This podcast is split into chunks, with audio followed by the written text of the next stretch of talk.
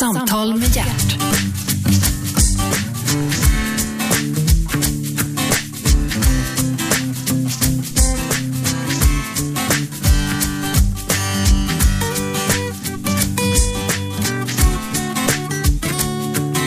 God morgon och hjärtligt välkomna till Äntligen med Gert Fylking. Du lyssnar på Radio 1, Sveriges nya pratradiokanal. Och idag ska du få träffa Peter Gustavsson.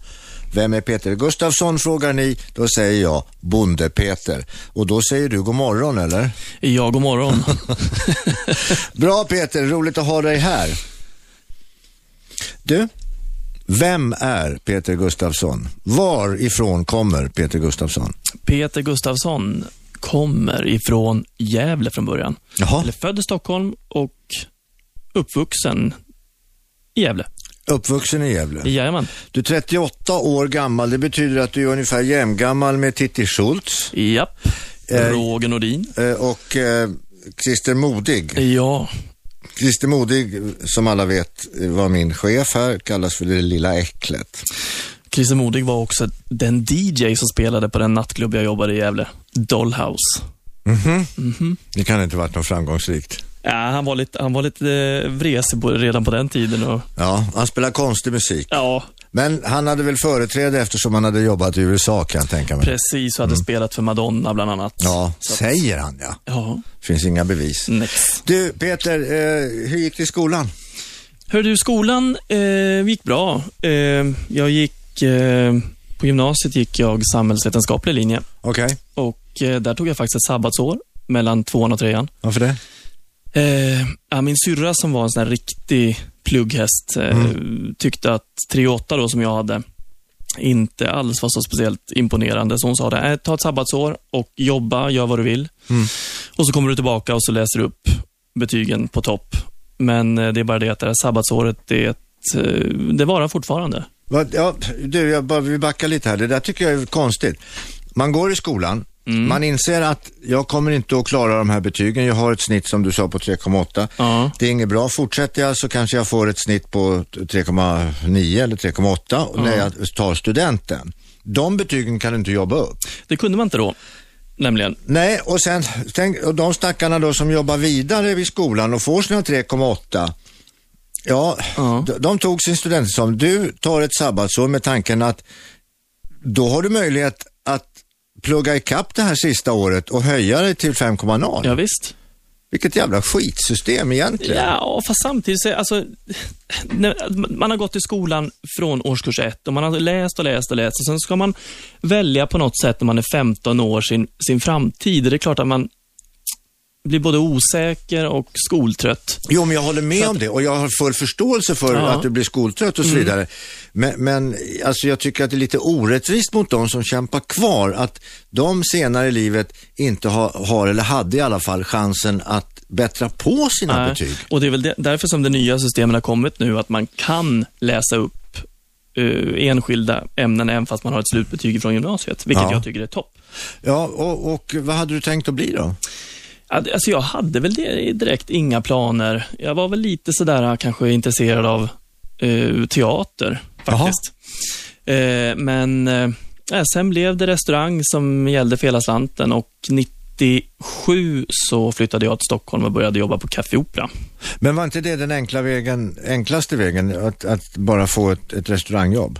Att bli servitör eller? Jo, alltså jag tycker ju att restaurangjobbet är ett fantastiskt jobb för många. Eh, om man sköter sig vill säga, så att man inte eh, ramlar dit och börjar festa och ta droger och så vidare. För det är ju väl, tyvärr väldigt vanligt Ja, man står ju väldigt nära baren. Ja, och väldigt, mycket, väldigt nära flaskorna. Ja. Eh, men men eh, det, för mig var ju det perfekt, för jag kunde ju hålla på med hästarna på sidan om. Så ditt hästintresse, det, det hade du fått fr- från när då? Ja, det fick jag. Jag fick, alltså, fick min första ponny när jag var sju. Och eh, det var också lite så att mina föräldrar prackade på mig den för att vi köpte vår första gård när jag var sju år. Mhm, Och eh, väldigt nära den låg det en crossbana. mhm. Och då tänkte de att om inte familjen ska bli helt splittrad här nu och jag ska börja köra cross och så vidare, så, så här har du en ponny. Och vilket var en väldigt, väldigt duktig, fin ponny, så att det var bara ut och tävla. Och som kille så tror jag att man måste ha väldigt lätt det får inte gå emot en när man är liten eller yngre, för att då slutar man. Ja, d- ja, det där, ja, det, det finns ju både och. Men, men Ja, men tjejer är ju lite mer att de kämpar och det är likadant med förhållanden. Det är tjejer som kämpar i förhållanden och håller ihop och killar de ger upp ganska lätt. Eh, Ja, men sen, alltså, i- när man är 7, 8, 10, 12, 15 år, då är ju hästsport, det är ju ingen killsport. Eh, Nej, nej, det fick jag höra mycket. Det är ju mer, ja, men det vet man ju att det är ju mycket tjejer som håller på med. Mm. Det hade varit bättre med cross för dig. Ja, jo, det är i och för sig sant, men, men, men eh, ja, Nej, men nu blev det häst. nu blev det häst. Nu blev det häst. Eh, Dina, teaterdröm, dr, dina teaterdrömmar då, hur långt kom du med dem? Nej, hörru du, det var mest såna här skol, skoluppsättningar och sånt där som jag tyckte var väldigt, väldigt skoj faktiskt och eh, ja, men tyvärr så blev det inte mer. Nej, det utav var där jag började också, ska du veta. Ja. Ja, och på den vägen är det för mig. jag pratar med Peter Gustafsson, Bonde-Peter, Gert Fylking heter jag och du lyssnar på Radio 1, Sveriges nya pratradiokanal. Eh, Peter, du la teaterdrömmarna på eh, hyllan. Eh, Du höll på med någon annan sport sådär förutom att du red. Eh, jag började sen att eh, springa lite grann friidrott. Jaha. Jag fick en, en, en lärare i idrott i skolan som var väldigt eh, inne på det här med friidrott och eh, jag hade ju aldrig tävlat eller någonting sånt. Nej. Eh, och eh, så började vi att träna distanser, korta distanser. Ja, du är byggd som en kort, eller med- ja, upp till 400 meter i alla fall. Ja, det var, jag var mest 100 meter och 200 meter, men, men eh, i alla fall då, då kom de där med sina nya trikåkläder, du vet, så här som löparna Ja. ser ut och jag kom med mina joggingbrallor och eh, tog dem, Ja, hela högen. det är så man ska göra. Ja, så att jag hade nog något rekord där faktiskt personligt på 100 meter, eh, 11,7 tror jag. Mm, men det är bra. Otränad, men, men eh, jag tyckte det var ganska trist. Tråkigt. Så Jag tävlade någon gång, jag vann faktiskt de eh, tävlingarna jag gjorde, men jag tyckte det var för tråkigt, för mycket väntan och för mycket Ja, Nej. st- stretcha och så. Ja, det också var jobbigt. Det var jobbigt att träna. Ja, nej, jag, jag höll på väldigt mycket med friidrott själv. Ja, Eh, Min specialdistans var eh, 400 meter okej. och, och sen började jag med lagsport. Mhm. Är det någonting som du var, fotboll, ishockey? Nej, alltså lite fotboll spelade man ju då när man gick i skolan naturligtvis. Mm. Men eh, nej, nej det var aldrig någonting Var för du med mig. i klasslaget? Ja, det var, jag var målis. Ja, jag var ganska duktig faktiskt som målvakt. Ja, men varför, varför satsar du inte på det där då? Nej, men Va- jag, tyckte, jag tyckte om hästarna. Jag tyckte om eh, individerna hästar. Ehm, Ja, men ponny, det är väl ingen häst? jo, för 17 vad roligt vi hade. Och det var eh, lagsporter och man var ju allas, eh, alla tjejernas lilla favorit där. Och jag var yngst och jag var minst. Jag var väldigt liten när jag var liten. Okej. Eh, och det var Allsvenskan och eh, Elitserien och det var Heja Klack. Så, att, så fort jag red Vadå klart. allsvenskan och elitserien? Ni var då? I eh, ponnyhoppning? Ja, Jo, vi var svenska mästare där. Ja. Med Gävle ponnyklubb. ja okej. Ponnyklubben hette I Gävle ponnyklubb. Gävle ponnyklubb. Jajamän. Fasiken att man inte var och tittade på de tävlingarna. Ja. Jag tycker om att titta på tävlingar. Jag tycker om att titta när folk tävlar. Det spelar egentligen ingen roll vad de tävlar i. Nej. Men just ponny allsvenskan, den har jag inte varit delaktig i. Nej, det är kul faktiskt att se dem. Okej. Ja, då höll du på att kämpa med, med din lilla ponny. Vad hette din lilla ponny? Min lilla ponny först hette Vicky. Vicky? Japp. Okej. Och det var en fantastisk liten ponny. Ja. Var det då du blev julbent? Jag blev lite julbent. Eh, jag var ju väldigt liten och jag åkte av minst tre gånger varje dag. blev jag rädd. Ja. Så att eh, då konstruerade vi en sele. Så att jag, jag var ju så liten och lätt så att jag, vi spände fast mig varje gång som jag skulle rida och det är idiotiskt idag när man tänker på det, vad, vilka olyckor som skulle kunna hända. Men eh, vi tyckte att vi var jättesmarta på den tiden så att jag satt fastspänd på ryggen. Ja, men det var ju förmodligen enklare att du blev avkastad än, än att hästen skulle ramla. Eller sannolikheten att du skulle bli avkastad var större än att hästen skulle snubbla. Jo, naturligtvis, men hade den snubblat och randat, landat illa, då hade det gått Men riktigt illa. gjorde den inte det Peter? Nej, Nej. Jaha, n- när började du eh, med riktiga hästar då? Ehm, ja, riktiga hästar började jag nog med när jag var 16. Mm. Och då fick du, fick du en egen häst då? Ja, eller? och jag hade flera egna hästar. Mhm. och tävlade väl ganska högt upp i klasserna till jag var 21-22 där med jag- junior och young rider-tiderna. Mm. Du, ehm, jag pratade med Peter Gustafsson, Bonde-Peter kallad, hans uppväxt på en gård utanför Gävle. Ehm, jag fick min första häst, jag hade flera hästar. Det låter som att det fanns ett intresse och även pengar på familjens sida, från familjen. Mm. Ja, alltså jag har ju alltid varit eh, retad. Eller jag, jag, eh, när man bor i en lite mindre stad och man har lite mer än, än medelsvensson på banken så eh, eh, eh, blir man lite, sådär, lite retad och mobbad och så vidare. Mm. Så att eh, jag har ju lärt mig, jag är uppfostrad att man aldrig pratar pengar. Nej, det är kanske lika bra det. Eh, ja. eh, men det är klart att, att eh, visst kostar den här sporten väldigt mycket pengar. Ja, det måste ju kosta Ja. be- nästan mer än vad den inbringar va? Ja, ja de, de futtiga hundra lappar och tusen lappar man kan li, alltså, rida in i den här sporten, det är ju löjligt egentligen. Mm. Men, men n- när du då, du blev svensk mästare i ponnyridning. Ja. Du blev, eh, ni vann elitserien Mm. i ponnyridning, kan tilläggas, för lag. Eh, och det var Gävle ponnyridningsklubb, Mm. eller Pon, ponnyklubben? eh, ponnyklubben Mm. i, i Gävle. Läste du sån här eh, Min hästtidning och sånt där också? Nej, nej, det gjorde jag faktiskt inte. Jag, min, min, en av de få böcker som jag har orkat mig igenom, det är faktiskt Kitty. Så att, det, det är väl så nära de där eh, tjej, flicktidningsböckerna som jag har kommit. Ja, men det finns, ja. Jag Men, hade faktiskt en egen slogan där. Så när jag kom in på banan så, så skrek alla de här tjejerna i ponnyklubbs hejaklack. Heja Peter, lilla gubben du som tillhör ponnyklubben, sa de. ja. Eller sa de, skrek. Och sen när man var felfri så blev det ett dån, du vet, på läktaren. ja. Hur många stod det på läktaren? Ja du, det var fullt. Och fullt i ett ridhus betyder? Ja, det var nog några hundra. Det var så pass? Ja, oh ja. Men det var föräldrar och närmast sörjande eller? ja, fast på den tiden så bussade man in också hejaklacker, så det var, från varje klubb kom det en, en busslast Jaha. med eh, hejaklack. Hade ni pomponflickor och sånt också? Ja, det faktiskt på finalen så var det riktigt, riktigt eh, ja, bra. Okej. Ja, eh, så att ridningen tog mer och mer tid, överhanden mer och mer och eh, du hade en riktig häst som du började tävla med i 16 års ålder. Ja, 16, 17 någonstans där. Okej, men vad, vad, när du tävlar, när du tävlade med t- den här ponnyn, vad tävlar ni i för något? Ja, det är ju hoppning. Det är hopp. Ja, visst. Glömde vi säga det? Eh, ja, det kanske vi gjorde. Jag pratade med Peter Gustafsson här, bonde-Peter. Hästkar, är du det ute i fingerspetsarna? Eh, ja, alltså jag har ju hållit på med det nästan hela mitt liv, så att Mm. Kan du prata med dem? nej, men däremot kan man nog läsa av dem. Du Hur hör- de, hur de mår och, och så vidare. Du hör vad de säger? Ja, Inte till varann kanske? Nej. Men till dig? till mig. Okej.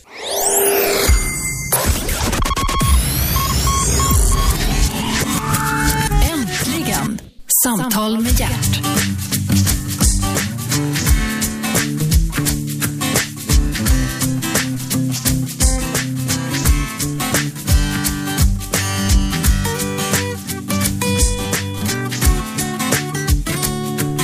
Välkomna tillbaks. Gert Fylking heter jag. Eh, programmet heter Äntligen och du lyssnar på Radio 1, Sveriges nya pratradiokanal och eh, du och jag, du är Peter Gustafsson och jag är Gert Fylking. Hur är läget Peter? Jo, men det är bra. Vi pratar om att du- du är född i Stockholm, Japp, eh, uppvuxen i Gävle, japp. började rida på ponny när du var sju. Mm. Därför att dina föräldrar var oroliga för att du skulle köra ihjäl dig på en crossbana. Ja. Är det bättre att- att störta från en häst och slå ihjäl sig? Nej, egentligen inte, tror jag. Var är det flest olyckor? I ridsporten eller på crossbanan tror du? Ja, dödsolyckorna tror jag faktiskt är på ri- ridsporten. Ja, det är en Tyvärr. otroligt farlig sport. Ja, Och det är inte bara dödsolyckor utan folk slår sig ju sönder och samman. ja, Mm. ja. Vad beror det på? Jag tror att ridsporten är ju den sporten där vi inte har så speciellt mycket skydd på oss. Nej. Vi har en hjälm. Och Ja, ni har en s- potta på huvudet. ja, nu har väl hjälmarna kanske blivit något säkrare än med åren, men eh, that's it. Mm. Och det är ju lite tråkigt för att de flesta olyckor är ju faktiskt så att man kanske blir trampad i magen eller någonting sånt där. Va? Man blir Mm. sparkad. så att eh, där krävs det att man gör en, en kraftansträngning för Mm. att jobba fram bättre skydd. Så att på medeltiden hade de inte fel när de hade riddarrustning alltså? Nej. Men det blir nog kanske lite jobbigt att hoppa i riddarrustning. Ja, men de hade, de hade ju lite andra hästar på den tiden. Ja. Vad hette den där stora rasen? Den, De Ja. hade ju en jättestor hästras som de hade de här stridshästarna till. Ja, du, vad kan väl... Ja. Jo, men de hette, jag vet, jag har ju träffat en sån häst. Stor så in i helskotta. Inte ardenner alltså. Utan Nej, det är ju inte någon- nordsvenskar. Nej, utan utan det det... är en annan, ytterligare en ras. Mm. Stora fina hästar.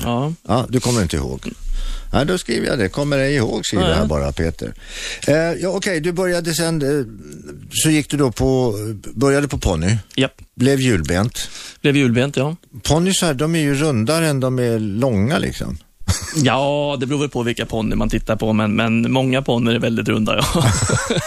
Ja, men, men det passar ju bra. Du, hade du spelat fotboll hade du också blivit julbent. Ja, det kanske man blir. Ja, jag fattar inte varför. Men alla fotbollsspelare jag känner, julbenta. Jaha. Av någon outgrundlig anledning.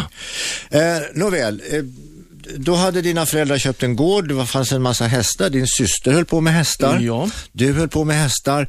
Eh, ja, det blev hästar för hela slanten. Ja, det blev det. Från tidig morgon, du fick lära dig från tidig morgon. Ja, nu var ju jag så privilegierad där så att, så att eh, min syster var ju väldigt snäll. Jaha. Så att när vi skulle iväg och tävla så var hon ute, och hon mockade och hon ryktade och hon packade allting. Och den sista som väcktes och gjordes i ordning, det var jag. Ja, jaha, så du var lite prinsen. då. Yes.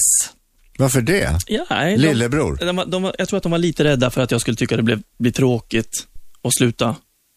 Ja. Ja. Men, va- men, men såg man någonstans eh, ett ämne i dig? Ja, det... Ja det, det, det, ja, ja, det kanske man gjorde så småningom. Det gjorde man nog. Alltså, jag hade ju väldigt bra resultat där. Eh, och, eh, men sen tror jag att det blev, det blev nog lite för mycket hästar där, för då valde jag det här vägskälet. Antingen ska man åka iväg och träna, kanske utomlands, Mm-hmm. köpa lite nya hästar och då valde jag nog faktiskt att ta time-out lite grann. Behålla någon häst och så, i samband med det så flyttade jag ner till Stockholm.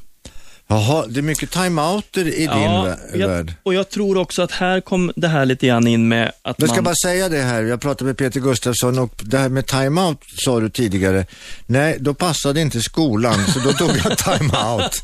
Nu har vi kommit in, ja, då gick det, gan- och det gick ganska bra i skolan Ja. ska vi säga. Det ska vi säga för du snittade på 3,8 vilket Ja. man får betrakta som övermedel.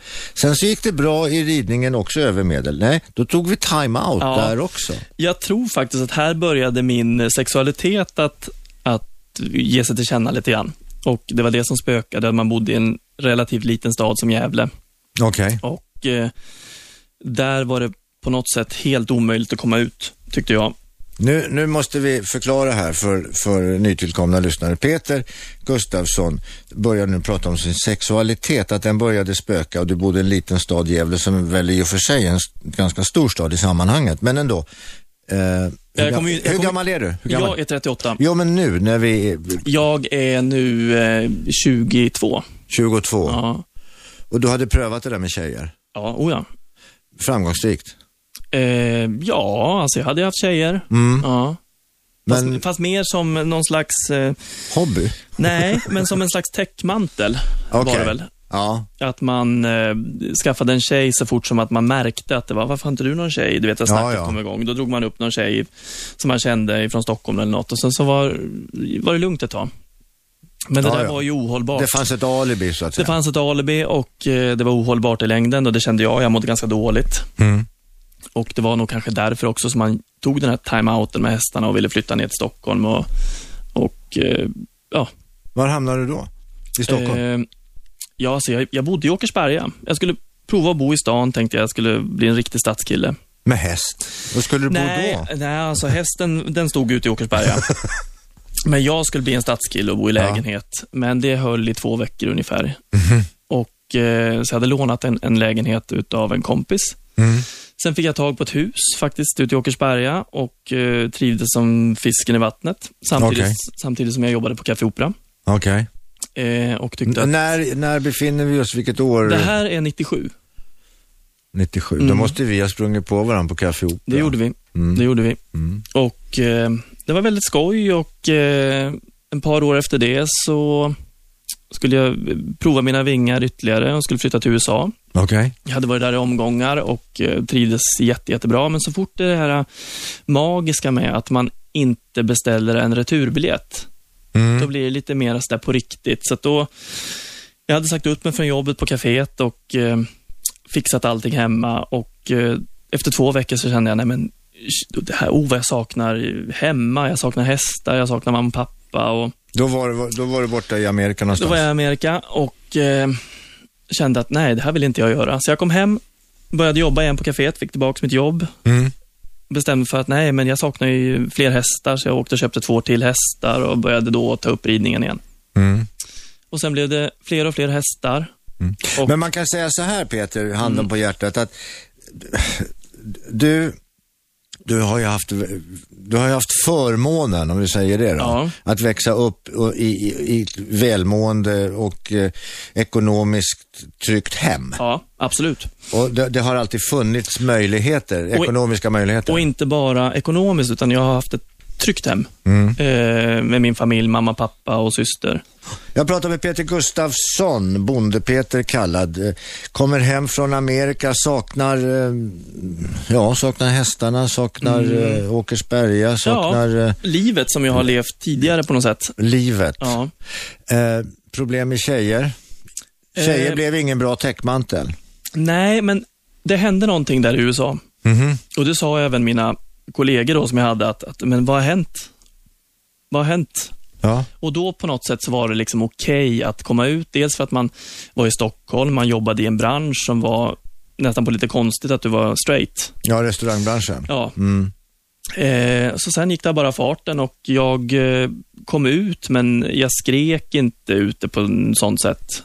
Utan eh, jag kom ut ur den stora garderoben sen, några, ytterligare några år senare. Ja, men, men eh, du, ja, du jobbade i- i en bransch, du jobbade inom eh, restaurang där, där det finns väldigt mycket homosexuella. Japp. Det vet vi per Japp. definition. Japp. Eller som Marlon Brando sa, om vi inte hade haft bögar och judar hade vi inte haft någon Hollywood. Nej, Nej det stämmer. Hade vi inte haft bögar hade vi inte haft någon restaurang. Nej. Eh, men det här, var det någon nyhet för dina föräldrar det här? Nej, när jag berättade det för dem och det var ytterligare några år efter det här, så säger mamma så här, "Nej, men berätta någonting som vi inte redan visste. Och eh, ja, jag tror att det är alltid lite så mellan mor och, och son. Ja, man känner av. Ja, visst. Visst gör man det. Ja. Ja. Eh, men för dem var det inget konstigt? Nej, absolut Eller det, inte. alltså det var ing, ja det var väl på ett sätt konstigt, men, men jag menar det var inget som, ett avvikande som gjorde att du stöttes bort menar jag. Nej, absolut inte. Din syster då? Nej, min syrra och jag står ju väldigt nära varann. Mm. Väldigt nära varann och, och eh, hon har ju två barn som eh, jag älskar Mm. över allt annat. Så att, eh, ja, Nej, vi är som en, nej, det- vi är verkligen en en stor familj. Jag har ju haft förmånen att träffa dina föräldrar. Mm. Ja. Mm. Faktiskt, väldigt trevliga människor. Du får hälsa dem så gott. Jag kan berätta det, jag var ute hos Peter på eh, din fina gård, vad heter den? Hagaberg heter den. Hagaberga, det var inte helt lätt att hitta dit kan jag säga. Den låg långt ut i skogen. Men när man kom ut ur skogen så öppnades ju fantastiska eh, ängar och hagar. Ja, ja. ja det är lite Narnia. Eh, du du, Peter, ja, okej, då blev du, då blev du, eh, då kom du ur den lilla garderoben. Ja. Så att din syster, dina föräldrar, De visste det när jag var 28. 28, det är ändå rätt sent. Ja. Ja, Med tanke på att du började känna av det här redan som 18-åring. ja och tidigare ändå. Tidigare ändå? Ja. Men, eh, nej, det var väl, jag var väl inte mogen först då, Nej. på något sätt. Men, men när, när du kände det här som, som när, när, ja, du kommer i slutet av puberteten, du känner att du är, fan, kände du att, v, v, vart är jag på väg, vad är det som händer? Mm. För att du kan ju inte ha haft många bögar i din omgivning. Alltså- Nej, och det tror jag, det, det, jag tror alla känner det att, jaha okej nu känns det så här, men, men det här kommer gå över. Och då skaffar man sig tjejer, du vet, och Ja. så här ska det vara. Men det går inte över. Och det, det- och det är det som är så synd tycker jag om, om människor som fortfarande lever i, inne i den här garderoben som är hemsk, för att man gör sig själv illa, och man gör sin omgivning illa. Så att eh, Ja, man kommer ju ingen vart. Mm. man kommer ingen vart, man mår, bara, man mår skitdåligt. Mm. Och det lider naturligtvis alla andra av. Naturligtvis. Och man själv också. Ja, och man, man blir grinig och trö, alltså sur och man snäser och man ljuger. Och, nej, det, det blir inget bra alls. Äntligen! Samtal med hjärt.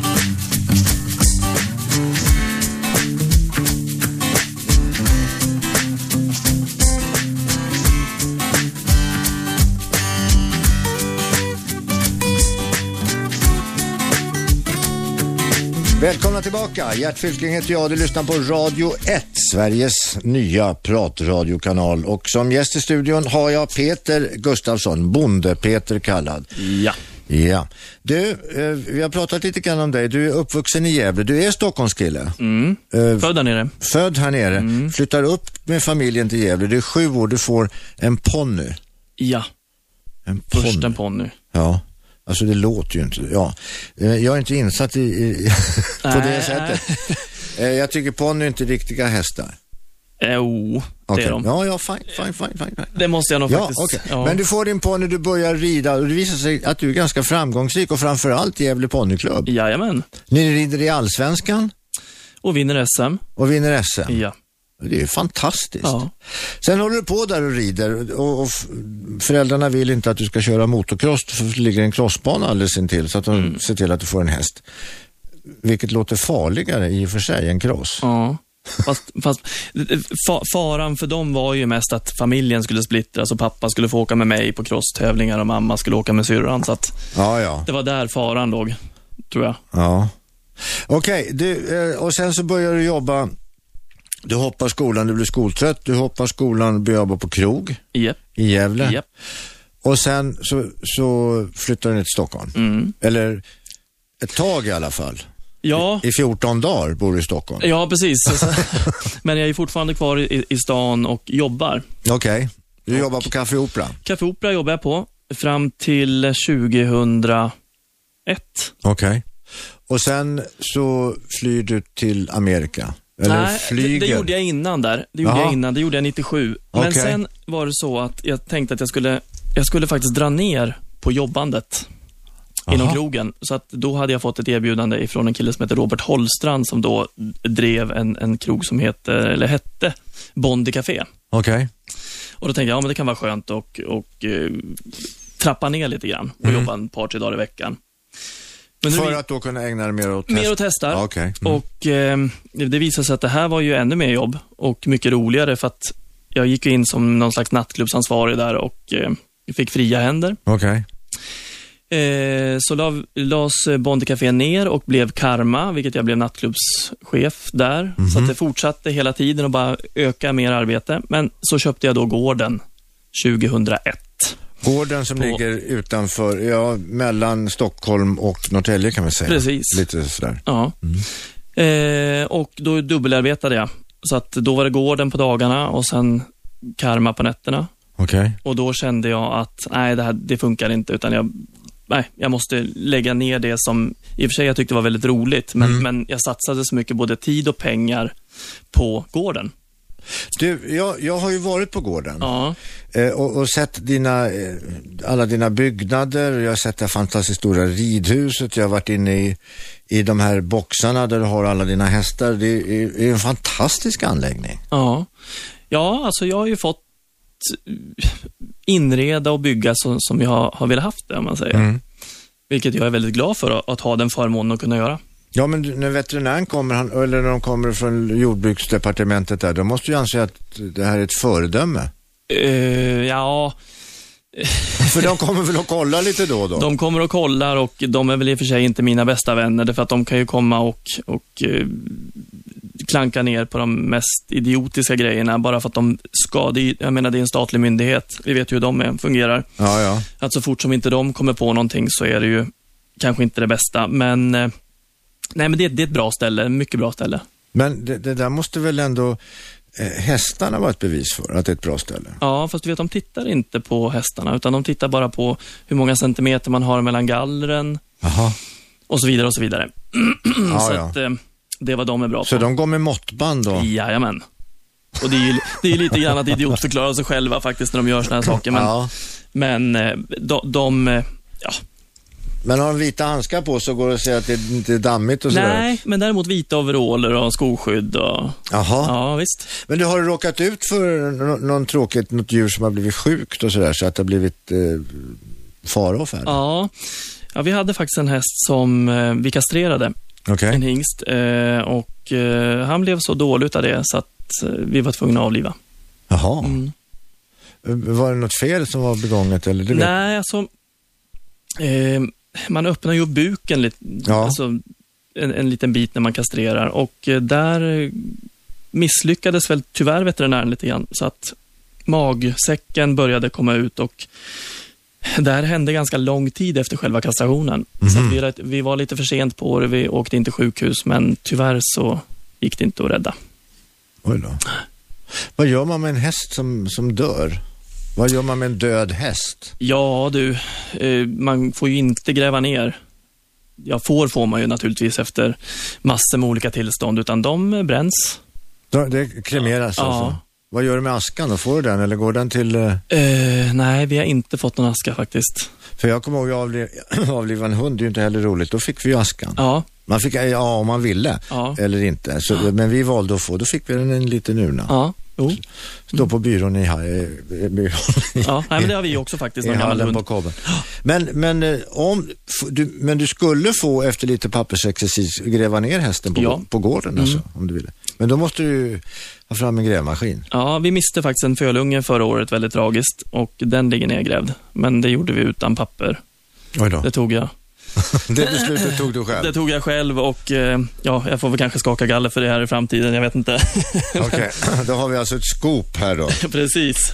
Det får man alltså inte göra. Nej, det får man inte göra. Okej, men, men eh, Men jag hade inte hjärta att forsla iväg en liten fölunge och sen skulle den brännas. hur gammal var den? Ja, den här den dog precis när den, när den kom ut. Aj då. Så att, eh, nej, det var väldigt tragiskt och väldigt tråkigt. Mm. Men hur, hur tar stot emot det då? Alltså ett sto måste man ju låta begrava det här själv, vad man säger. Den- Man får ju aldrig ta bort en fölunge som är död ifrån stot med en gång, utan den ska ligga i boxen, eh, helst över hela natten, så att den får liksom ta farväl och gräva över det här med spån och halm. De gör det? Ja, det gör de. Ja, men de fattar att eh, Ja. det inte funkar Ja. alltså? Jaha. De fattar att den är död och de, de blir, eh, de tar, blir ju nedgångar. Eller alltså, de sörjer. De, de sörjer, helt klart. Ja. Men, men eh, de får inte problem då, för då har de ju arbetat upp det här med, med mjölken och Ja, fast den försvinner med en gång. det gör den. Ja. Det kan vara så att man måste hålla lite koll på så att de inte får mjölkstockning och sånt och kanske mjölka ur lite grann, men det brukar... Nu har ju jag, peppa peppa ta ett trä, eh, bara varit med om det här en gång och det funkade bra. Mm. Du, kan ston vara ammor? Ja, det kan de vara. Det kan vara problem att få ett sto att ta emot en annan eh, fölunge. Men med lite ja, vilja och lite våld ibland faktiskt så, så kan man få det att funka. Jaha, Mm. så de vill ha sin egen avkomma men det är definitivt inte någon annan Nej. egentligen. Men å andra sidan, sen- sen kan, man, sen kan de ha så otroligt starka moderskänslor så att de, ja, i brist på annat så tar de en, en, en annan fölunge. Men hur är det med hingstarna då? De skiter fullständigt i det där eller? Ja, de, Det är riktiga ja, karlar. Ja, visst. När de har gjort sitt, då är de, bara de får göra det. Bara de får göra det igen. Ja. Men du, det är lite tragiskt. Jag har varit med på sånt där när man, det heter att man tömmer dem va? ja, Det ser ju inte roligt ut alltså. nej. Varför, varför kör man inte naturmetoden? Nej, Äh, Vi, jag tror att det är två, två, eller tre anledningar. Dels för att man vill skicka, man vill använda hingstar idag över hela världen. Och då kan man, det är mycket lättare att skicka sperman än, än, än hingsten eller stot. För när jag jobbade på stuteri, då, då kom de ju med ston. Ja, just det. Och det gör man ju även idag. Men, men eh, det, man har ju vissa st- seminstationer då. Mm. Och sen är det då en skaderisk, både för stot och för hingsten. Och sen är det en infektionsrisk. Mhm. Så att eh, det finns ju fortfarande fullbloden, vet jag, bara har naturliga beteckningar, men det kan jag inte riktigt förstå varför man, varför man har. Fullblod, och det, va- varför heter de fullblod? Eh, ja, det, det, eh, mycket galopphästar då, om man säger så. Okej. Det, ja. Ja, det- och halvbloden, det är alltså... ja, det är vi. Det är vi vanliga. vi vanliga. Okej. Du, eh, vi skulle ju prata lite grann om... om eh, ja, du gick ju från att vara eh, Peter Gustafsson, sen blev du helt plötsligt bonde-Peter med hela svenska folket. Ja, klev ur garderoben på det stora sättet. Ja, på det riktigt stora sättet. Ja, ja. När var det? Det här var 2008. Mm. Då hade Eh. du varit, eh, du hade precis klivit ur garderoben, det var inte många år emellan, jag har fem år ungefär Ja. emellan dem. Eh, det, det här var ju egentligen en slump, alltså, det- för att mina kompisar hade ju då väldigt länge sagt att vi ska nog anmäla dig till Bonde söker fru. Mm. Och vi hade skrattat åt det, men så sitter man där, du vet, en, en januarikväll tror jag det var, var ensam, det var kallt och det var snöigt och jävligt. Mm. Och sen så på, på fyran så körde de en, en snutt där om att de sökte nya bönder och jag skrev ihop ett superkort mail och sa det att varför spicar ni inte upp det hela med att ta med en bög i programmet och pang sa det så. Ja, men de måste ju ha jublat. Va? Det är Ja. ju a dream come true för ett, TV, ett produktionsbolag och en tv-kanal. Jo. jo, det blev väl det också sen för att det, var, det blev ju en riktig massmedial hysteri. Ja, det blev det. Och, Ja. och det var till och med så jag slatte med att titta. Ja, Ja. Eh, det var första gången jag såg dig. Ja, förutom de gånger vi eventuellt har sprungit på varandra ute på krogs, i krogsvängen. Men du, eh, ja, då var du med i det här Bonde söker fru, därav namnet Bonde-Peter. japp. Eh, hur gick det då? Ja, alltså, kärleken gick det ju inte så bra med. Nej. Men, men det var ju en, en fantastisk upplevelse att vara med i, i den här alltså, cirkusen, skulle jag vilja kalla det, hela det här året som det ändå pågick. Ja. Så det är ingenting som jag... Hur sa- många, hur många killar var det som anmälde sig som, som eh, möjliga? Ja, sökande från början var det ungefär 200. Jaha. Mm.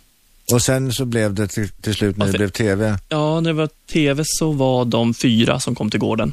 Okej. Och sen var vi på gården ungefär en vecka. Med alla fyra?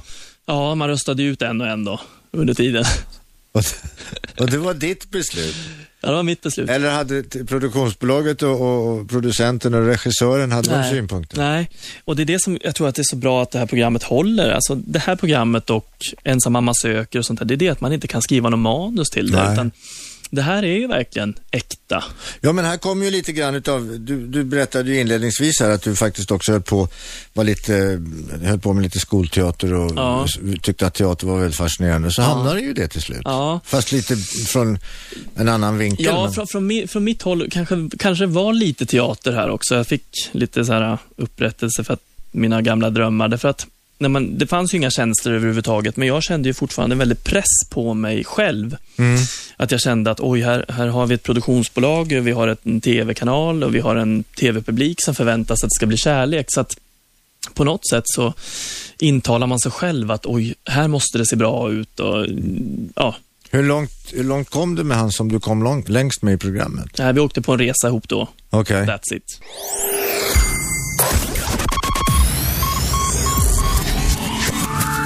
Äntligen! Samtal med hjärt.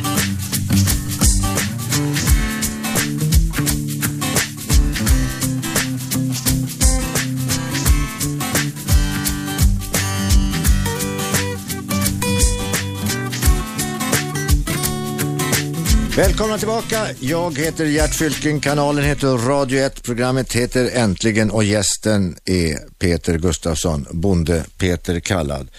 Ja, du håller på med hästar mest för hela slanten. Du blev bonde-Peter med hela svenska folket. Nu har du blivit bonde-Peter med hela holländska folket också. Ja, det är också. Vad kallar de dig där nere? Du, jag vet faktiskt inte riktigt smeknamnet där, men det är väl någon, någon slags... Eh, jag, kan- jag är inte så bra på holländska, men det är nog något bo, Bucher Peter. Bucha, Peter. Okej. Eh, du hamnade där av en slump, men du blev otroligt helt plötsligt, eh, över en natt, Mm. jättepopulär. Ja, det är väl också så att när media bestämmer sig för att göra en person intressant, så, så, så blir det så. Ja. Och det här var ju egentligen så att Bonde söker fru i Holland är ju det absolut populäraste programmet de någonsin har haft. Jaså? Med ungefär 5,5 miljon tittare i veckan. Ja, men de är ju inte mer än sju.